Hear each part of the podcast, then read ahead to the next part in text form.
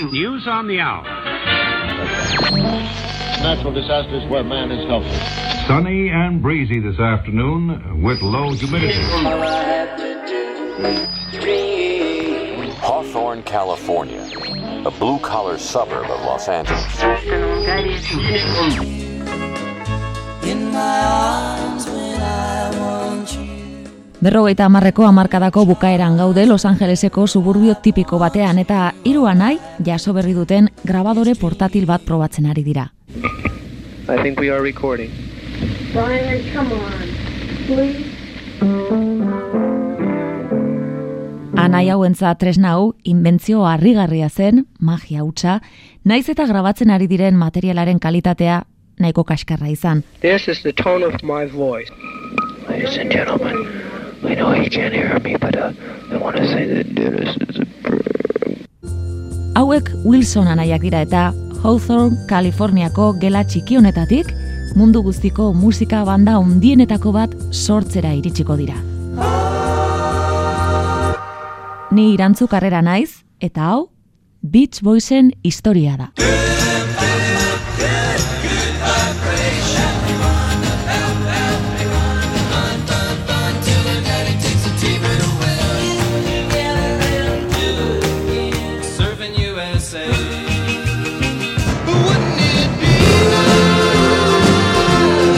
2008an lehenengo diskoa kaleratu zutenetik berrogeita hamar urte bete zirenean, Beach Boys taldea berriro elkartu zen, disko berri bat eta mundu mailako bira bat egiteko asmotan.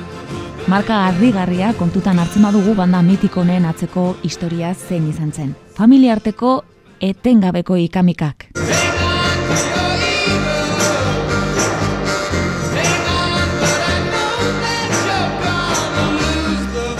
Droga arazo larriak.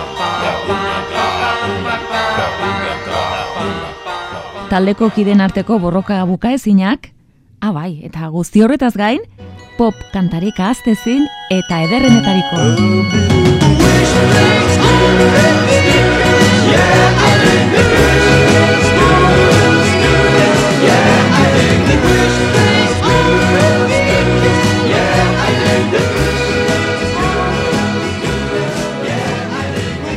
The Beach Boysen historia Wilson familiaren etxean hasi zen. Hawthorne deituriko Los Angeleseko auzo xume batean. Mila bederatzirun eta berrogeita emezortzian Brian anai zaharrenak amasei urte bete zituenean, bere gurasoek grabagailu bat uparitu zioten bere musika zaletasuna bultzatzeko asmoz. Brianek berehala bere bi anaiei hiru ahotsetara harmonizatzen erakutsi zien The Four Freshmen bezalako taldeak jarraituz. One. Two. Right, one. Two. Spend one night with you. Leicester, Mike Love lehen guzua eta Al Jardine laguna taldeko partaide bihurtu ziren.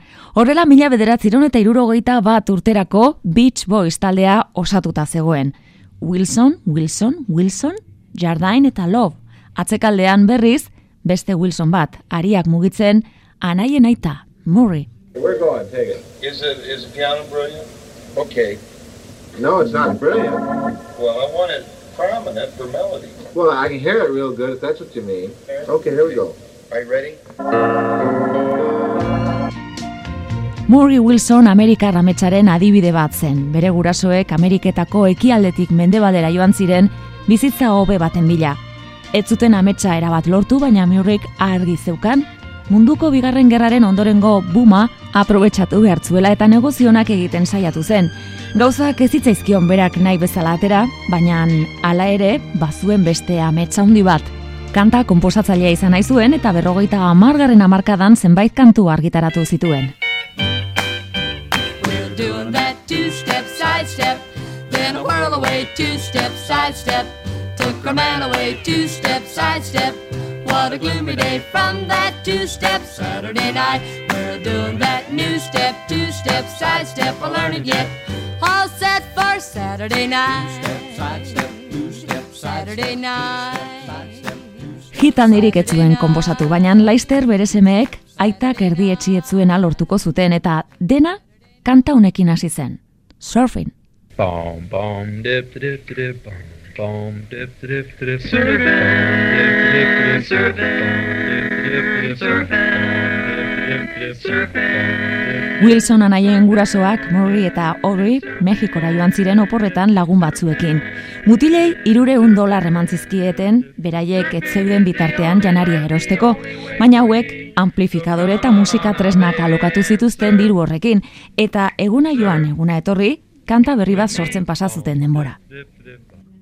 Gurasoak itzuli zirenean, Murray aita asarretu egin zen hasiera batean, baina kanta entzun zuenean, berehala konturatu zen etorkizuna eduki zezakela, eta taldearen manager izendatu zuen bere burua. Surfing is the only life, the only way for me now. Surf, surf with me. Bob, dip, dip, dip, bob, bob, dip, dip. I got up this morning, turned on my radio.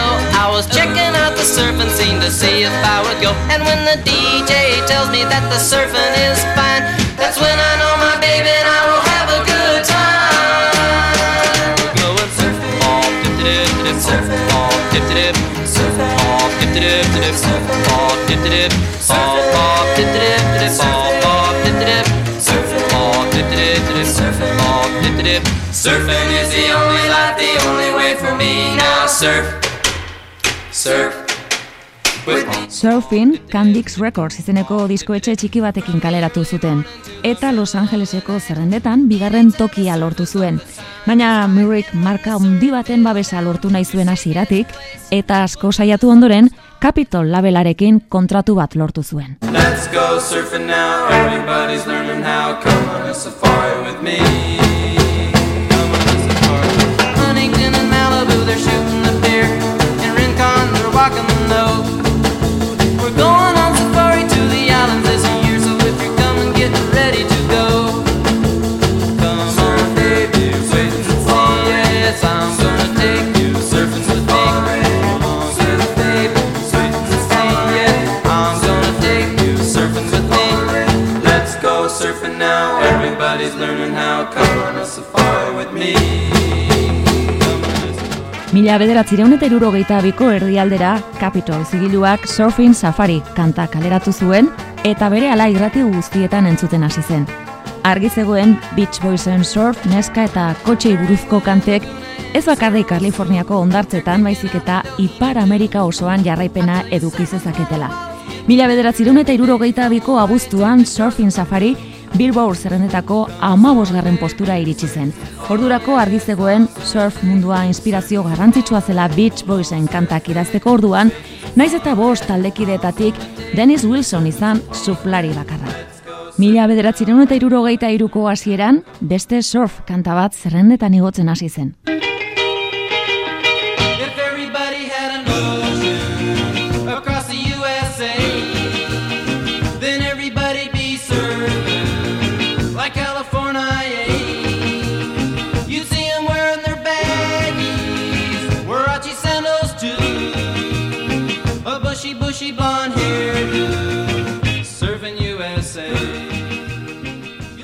Beach Boysen bigarren singela Surfing USA irugarren postura iritsi zen mila bederatzireun eta irurogeita iruko martxoan. Argi zegoen Beach Boysak ez zirela soilik moda baten aintzindariak. Gainera kanta honetan mundu mailan ezagunak egingo ziren, ahots harmoniak erabiltzen hasi ziren, eta horrela inorretzen konturatu, kanta berez plagio bat zela. Behin Brian Wilson Chuck Berryren Sweet Little Sixteen abesten ari zela, bere buruari esan zion, zoragarria izango litzateke kantu honi surf munduko hitzak jartzea. Eta alaxe egin zuen bere neskalagunaren anai surflariaren laguntzarekin. Beraien kuadrodun alkandora txukun eta hile hori orraztu noiekin, Beach Boysak Ipar Ameriketako ikono bihurtu ziren. Ematen zuten irudia Kaliforniako postaletan ikusten zena zen, mutilak euren txebroletetan ondartzetara joaten ziren surf taula gainean zeramatela.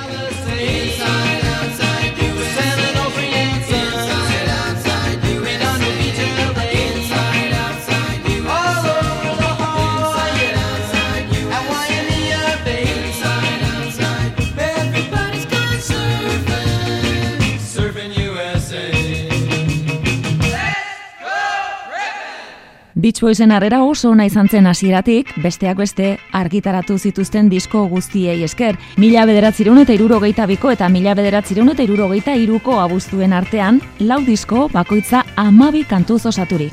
Gainera, kontzertuak ematen hasi ziren etengabe, askotan zazpireun kilometroko distantzia egun baten eginez dena kotxez noski, oraindik urruti zeuden abioi pribatuen garaiak. Baina naiz eta kontzertuek dirua eta fama gehiago ekarri, Brian Wilson etzegoen bat ere gustora gira guzti horiekin. Azkenean, mila bederatzireun eta irurogeita lauko abenduan, egazkinean zijoaztela, Brianek nervio atake bat izan zuen eta hurrengo egunean etxera itzuli zen bera bakarrik. Orduan erabaki zuen handik aurrera berak etzuela parte hartuko zuzeneko emanaldietan eta bere lana etxean egingo zuela, kantu herria konposatu eta grabazioak prestatu.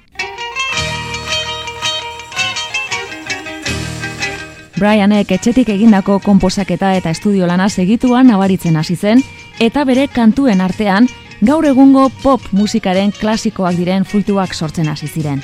Fan, fan, fan, adibidez. Well, she got her daddy's car and she cruised through the hamburger stand now. Seems she forgot all about the library like she told her old man now. And with the radio blasting goes cruising just as fast as she can now. And she'll have fun, fun, fun till her daddy takes the TV away. Fun, fun, fun till her daddy takes Eta mila bederatzireun eta irurogeita lauko udaran, I Get Around. Round, round, get around, I get around, yeah, get around, round, round, I get around,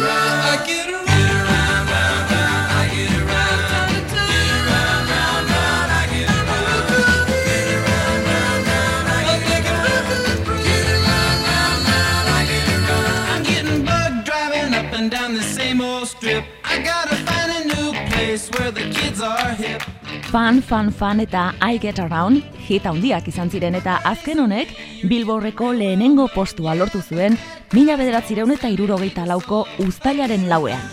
Baina naiz eta hit hauek lortu eta mundu mailako arrakasta zabaltzen joan Beach Boysentzat mila bederatzireun eta irurogeita laugarren urtea urte gogorra izan zen. Azteko Bilborreko lehenengo postua lortzeko arerio gogor batzuk sortu zitzaizkien Liverpooldik zetozen lau mutikoen eskutik. Can't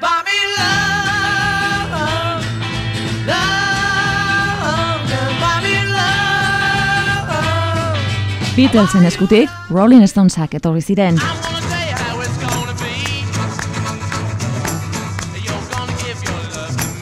The Animals.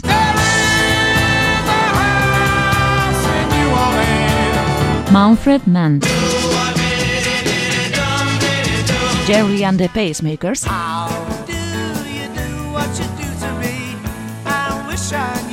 Dusty Springfield.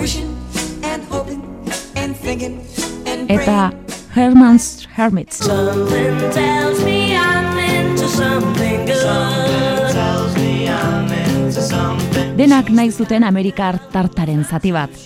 Britaniar gazte hauen inbasioa hasi zenean, Beach Boysak munduko beste aldean zeuden Australian kontzertuak ematen eta etzekiten ezer norbaiten neskaren esku hartu nahi zuten mutiko ingles hauei buruz.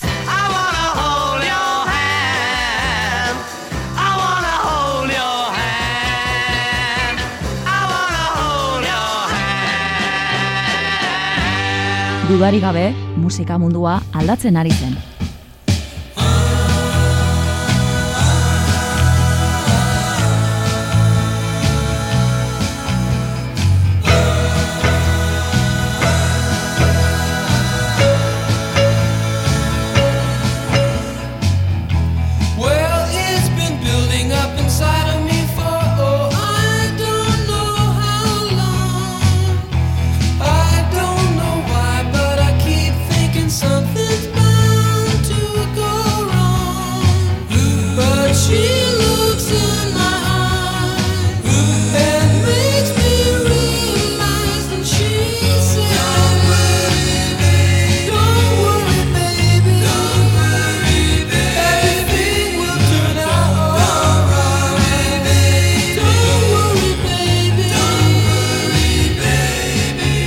Ryanekin zerbait arraroa gertatzen ari zela lehenengo aldiz zegazkinean Texas aldera zijoaztela konturatu ziren.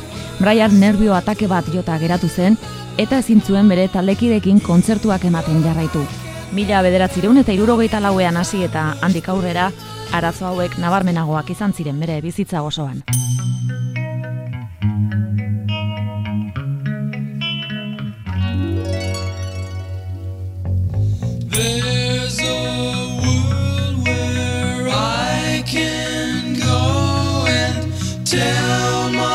Secrets too. In my room. In my room. In my Mila bederatzireun eta irurogeita lauko urte bukaerarako Beach Boys taldea manajerri gabe gelitu zen, Wilson anaiek Murray aita ez baitzuten jasaten. Gainera, Brian Wilson etzen gai zuzeneko emanaldiak emateko eta hori dena gutxi balitz, talde inglesek estatu batuetako musikariak zerrenda guztietatik bota zituzten egun batetik bestera. Baina dena ez zegoen galduta. Well.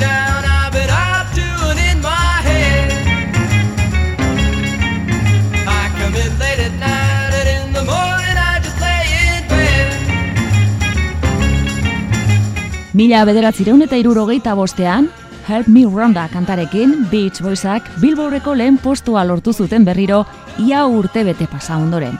Argi zegoen, ez zutela inondik inora beraien fama galdu, kontrakoa baizik.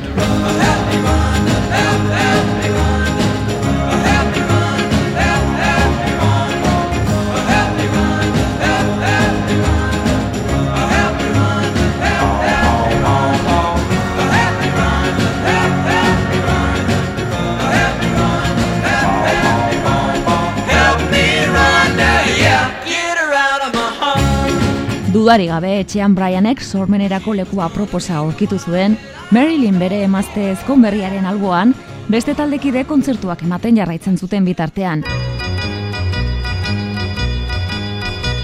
Well, East Coast girls are hip. I really dig those styles they wear.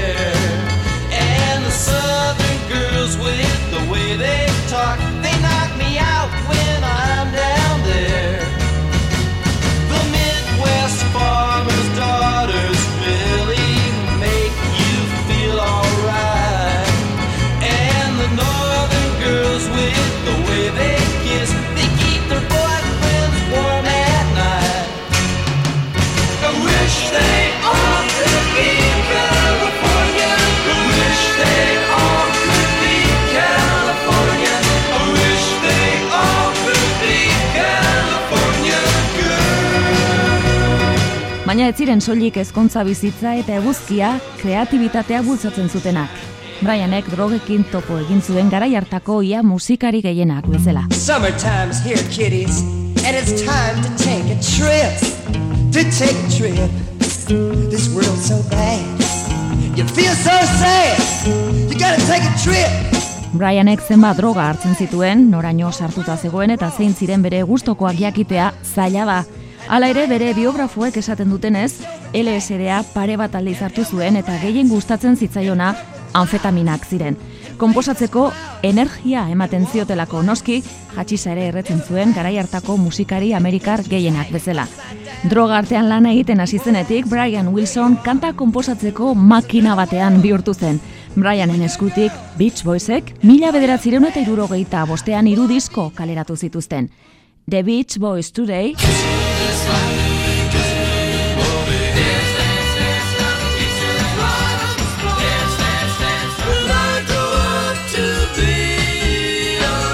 Summer Days and Summer Nights, You're so good to me. Let's pick up our friends and do amusement parks USA. Wild, we don't care. eta Beach Boys Party. Ba ba ba ba ba baran. Ba ba ba ba ba baran.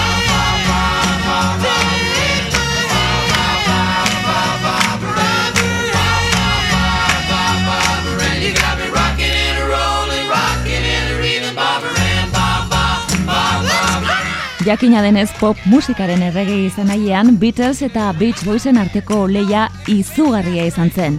Horregatik, xelebrea da Brian eta bere lagunek party honetan Beatlesen hiru kantuen bersioak egitea.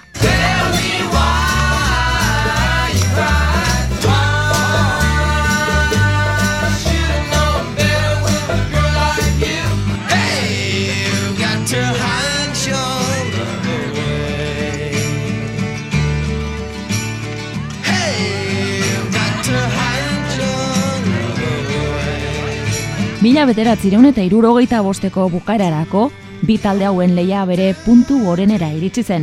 Beach Boysak party bat egin zuten bitartean, Liverpoolgo mutilak musikaren historia aldatzen ari ziren. Beatlesen Revolver diskoa entzun ondoren Brian Wilsonek adierazpen hau egin zion bere emazteari. He said to me one night, he said, Mir, I'm gonna write, and I'm gonna make the greatest rock album. Gau batean berak esan zidan. Inoiz egin den rock disko handiena egingo dut. Eta berak egin zuen. Gogoratzen dut grabazioa bukatu berria zegoenean, etxera ekarri zuela entzuteko, eta zeru zati bat bezala zen. Brianek sortu zuen zeru zati horri Pet Sounds izena jarri zion.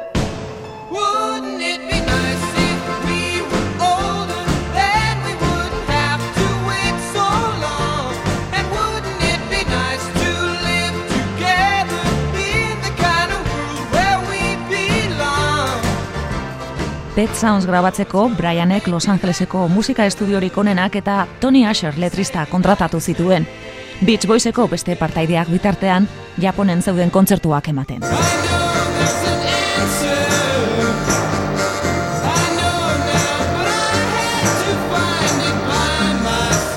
Brian entzat Pet Sounds etzen soilik musika eta letra. Sentimentu berezi bat zen beretzat. I wanted to create Jendeak sentitu zezakeen musika sortu nahi nuen. Eta beti ere, maitasuna zen oinarrizko ideia.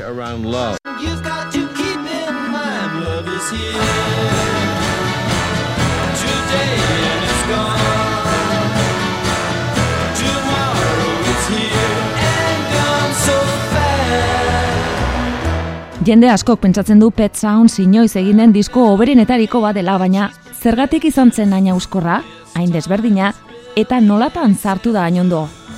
Azteko disko honetan atentzioa deitzen duen lehenengo gauza da, zenba detaile txiki dituen, kontutan hartuta noiz grabatu zen eta zein teknologia erabili zuten.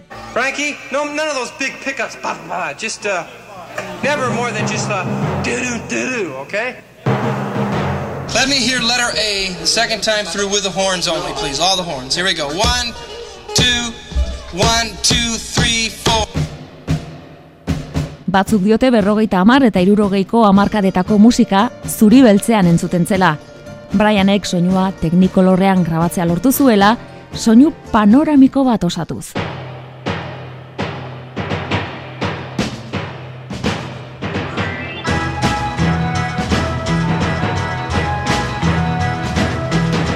Gero Hal Blainen bateria jotzeko modu izugarria zegoen, berak ez zuen perkusioa backbeat moduan jotzen, kanta guztian zehar atzealdean baizik, oso momentu garrantzitsuetan, eta hori, garai hortarako oso iraultzailea izan zen. Inorretzen ordurarte olakorik egiten ausartu. Kissed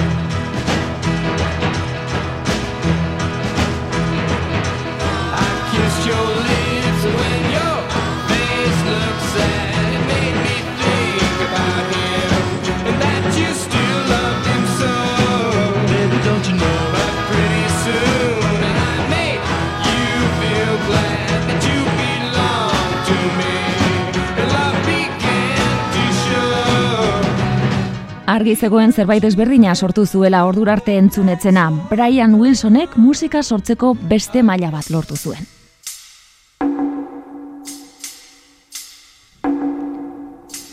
Sonoritatea ere berria zen, soinu tresna desberdinak erabili zituen ordurarte pop musikan erabili ez zirenak. Ama bisokako gitarrak, klabezina, flautak, oboea, akordeoia, bizikleta baten timbrea, kristalezko urbotilak, sparklets markakoak hain zuzen eta bar, eta bar. You Still Believe in Me kantaren hasieran adibidez, norbaitek pianoaren barruk aldetik sokak jo behar zituen, beste norbaitek teklak jotzen zituen bitartean, soinu berezi hori ateratzeko.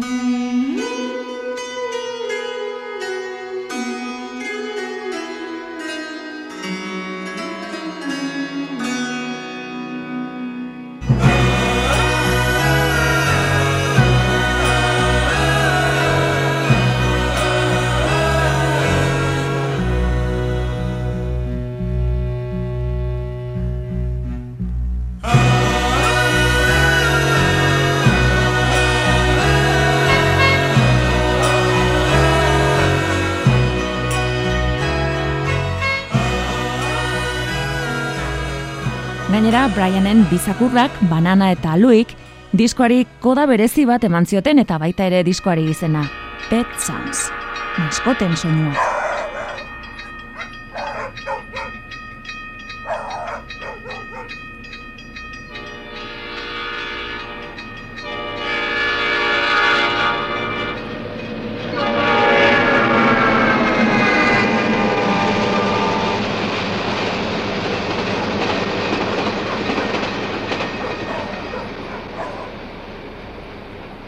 Orain arte goraipatu ditugun musikariak, musika tresnak eta produkzio lanak oso garrantzitsuak izan ziren Pet Sound zen, baina ez dugu zati garrantzitsu bat aztu behar.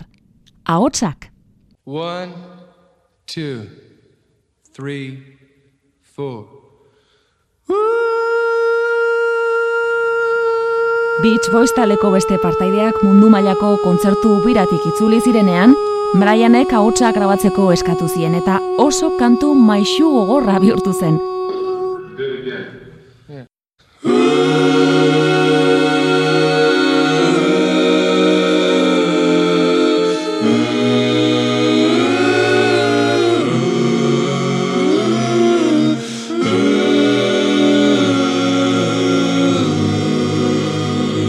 Nekagarriena, Buru Nitina kanta izan zen gutxienez, amarregun behar izan baizituzten osatzeko. You know it seems the more we talk about it, it only makes it worse to live without it. But let's talk about it. Wouldn't it be nice? Run, run, woo. Ba,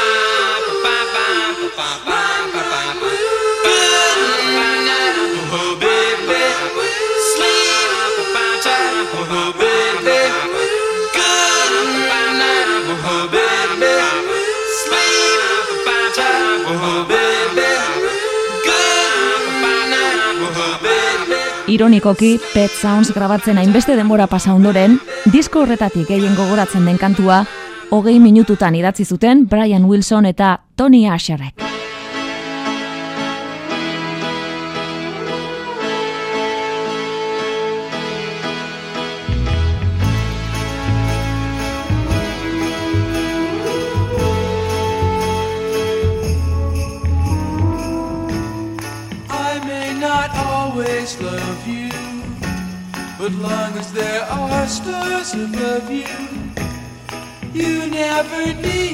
Doubt it.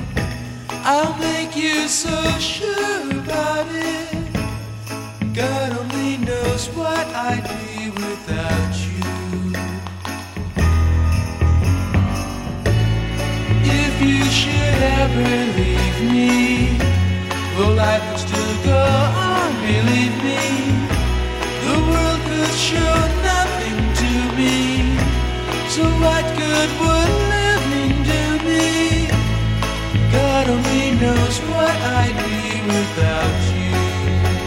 Brianek bere emazteari prometitu ziona bete egin zuen.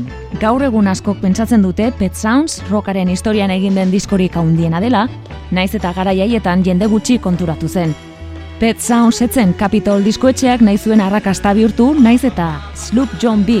Hawaiko folk kantuaren bertsioa diskoan sartuarazi Brian Wilsonen gogoz kontra.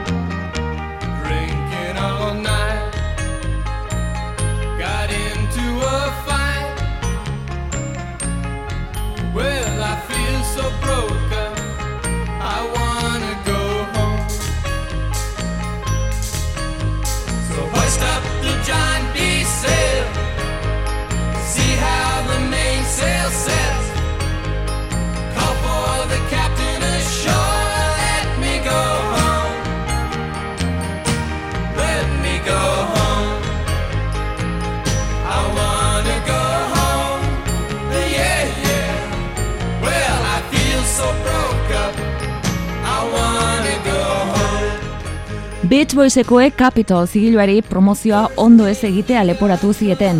Diskoetxekoek berriz, Barbara bezalako beste arrakasta batez lortzea egotzi zieten. Pet Sounds estatu batuetan Billboardeko amaika garren zenbakira arte iritsi zen soilik, Inglaterran ordea, bigarren postua lortu zuen. Gainera gauza konpontzeko, Capitolek handik bi hilabetetara Greatest Hits bat kaleratu zuen eta disko hau noski zuzenean lehenengo postura igo zen. Baina Brian Wilsonek argi zeukan etzuela hartutako bidea aldatuko. Urrengo proiektua oraindik ere aurrerakoiagoa izango zen. Mila bederatzireun eta irurogeita zeitik aurrera, Beach Boysak etziran gehiago surf talde bat izango. Beatlesekin batera pop musikaren mugak areagotzen saiatuko ziren. Horretarako Brianek, amairu egun pasa zituen urrengo kantua grabatzen. I love the colorful clothes she wears and the way the sunlight plays upon her hair.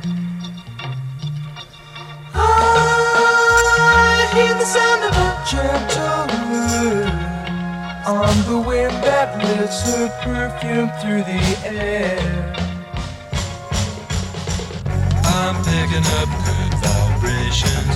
She's giving me the excitations. I'm picking up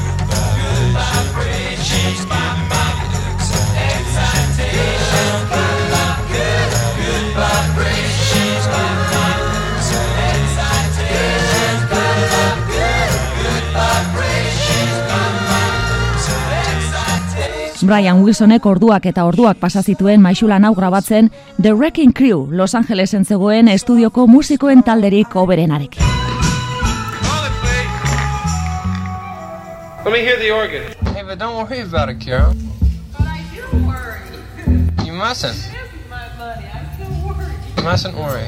You mustn't. Okay, here we go. Wait a minute, where are we? See, what it is is he's the organ's on 2-4, and you guys think it's the, the 1 beat, don't you? Here we go. And watch me on that part now. 28.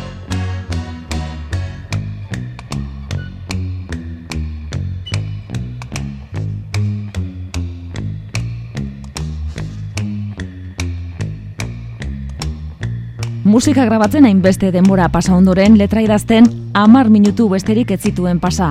Justu ahotsa grabatzera zijoaztenean estudioko bidean hain zuzen.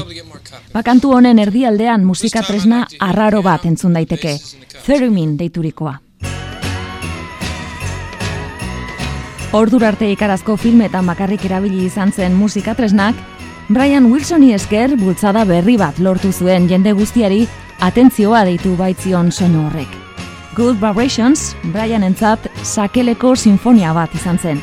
Soinu tresna arraroak, mazazpi grabazio saio, berrogeita hamar mila dolarreko kostua eta hamar minututan osatutako letrarekin, kanta honek pop musika betirako aldatuko zuen. Zerbait berria zen, inoiz entzunetzena. Mila bederatzireun eta irurogeita seiko azaroaren amazazpian, Britania handiko zerrendetako gailurrera iritsi zen, eta handi gutxira abenduaren amarrean Billboardeko goiko gaina lortu zuen.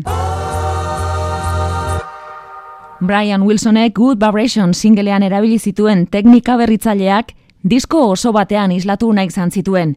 Bere esanetan diskoa A Teenage Symphony to God, jainkoari eskainitako nerabeen sinfonia bat izango zen, baina horretarako laguntza behartzuen. Van Dyke Parks letra idazle musikari eta arreglista trebe bat zen, eta Brianek berari laguntza eskatu zion Smile izenarekin kaleratu behartzuen diskoaren letrak idazteko. Down the path was a mystery.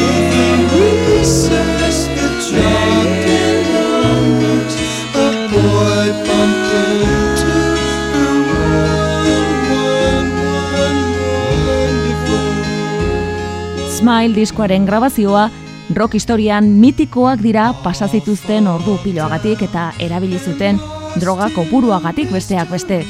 Brian Wilson. I, I was so stoned out of my head. Nire burua hain jota zegoen, ez nekiela noiz gelditu akorde aldaketa hori. Where it starts, then it comes to a stop without changing chords.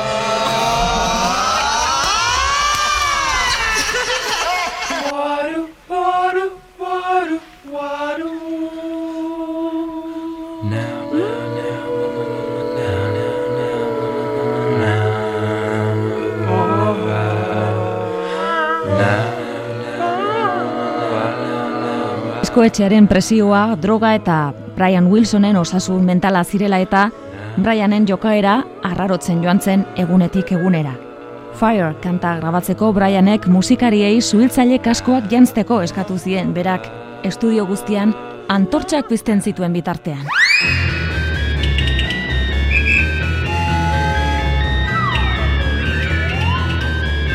Kanta honetan zuhiltzaileen kamioiaren hotza imitatuz, txeloak ateratzen duten soinua harrigarria da.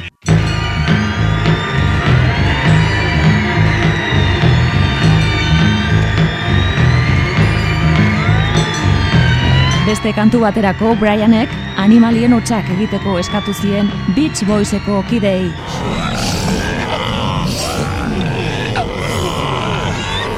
Eta barazkiei buruz abesteko.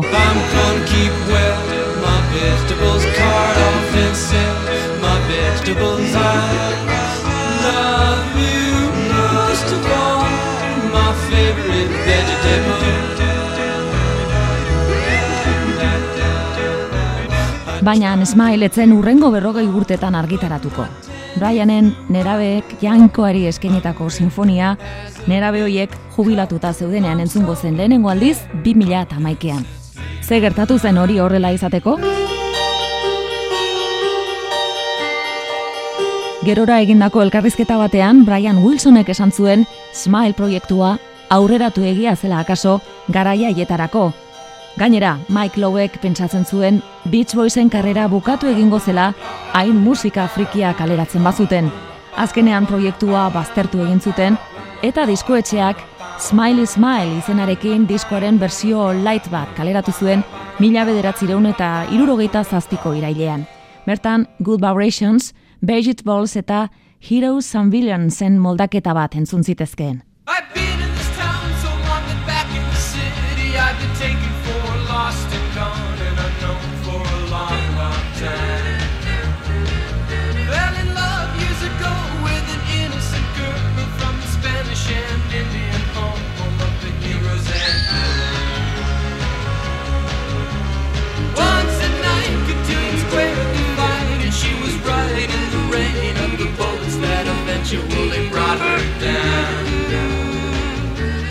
She's still dancing in the night, unafraid of what it do do in a town full of heroes and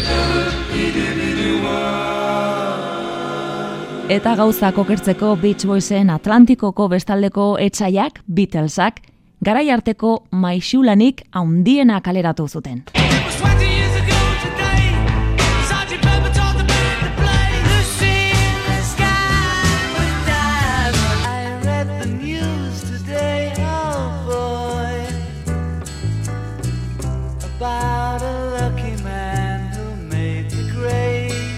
Mila bederatzireun eta irurogeita zazpigarren urtea txarra izan zen Beach Boys taldearentzat, baina mila bederatzireun eta irurogeita zortzia, oraindik ere eroagoa izango zen.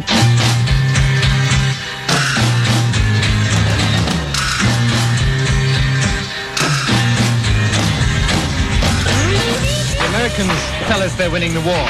Well, here we are. We're uh, right in the center of Saigon. This is Radio Prague, the voice coming to you from occupied Czechoslovakia. Dr. King's body has been taken from Memphis to his hometown of Atlanta. The police are being pushed backwards. Senator Robert Francis Kennedy died at 1:44 a.m. today. I've just gone back to the Boulevard Saint-Michel. The police are trying to defend one of these smallest streets. I have received a very gracious message from the Vice President congratulating me for winning the election. Londondik Parisera, Saigondik Chicagora, Mexiko dizitik Birminghamera, munduak leku zaila zirudien momentu hartan, eta garaiarren soundtrackak giro hori islatzen zuen.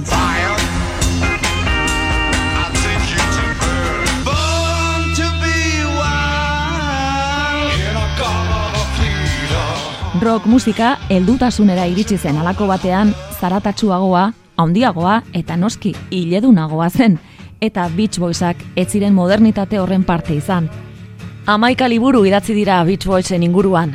Taldeak aktiboan jarraitzen du naiz eta irurogeiko amarkadan zituen kideetatik, gelditzen direnak hiru baino, ez diren. Denis itxota hiltzen mila bederatzireun eta laurogeita iruan, eta Carl laurogeita emezortzian, minbiziak jota. Hiruan haietatik beraz, Brian Wilson, zaharrena da bizi iraunduen bakarra. Berrogeita amargarren urte urrena zela eta, 2008ko ekainean, Mike Love eta Al Jardainekin berriz elkartu zen. Eta That's Why God Made the Radio kaleratu zuten, markak hautsiz berriro ere. Baina Beach Boysen urrezko garaia atzean gelditu zen betirako, eta irurogeiko amarkadan ezagutu zuten gailurra, errepika ezina izango da.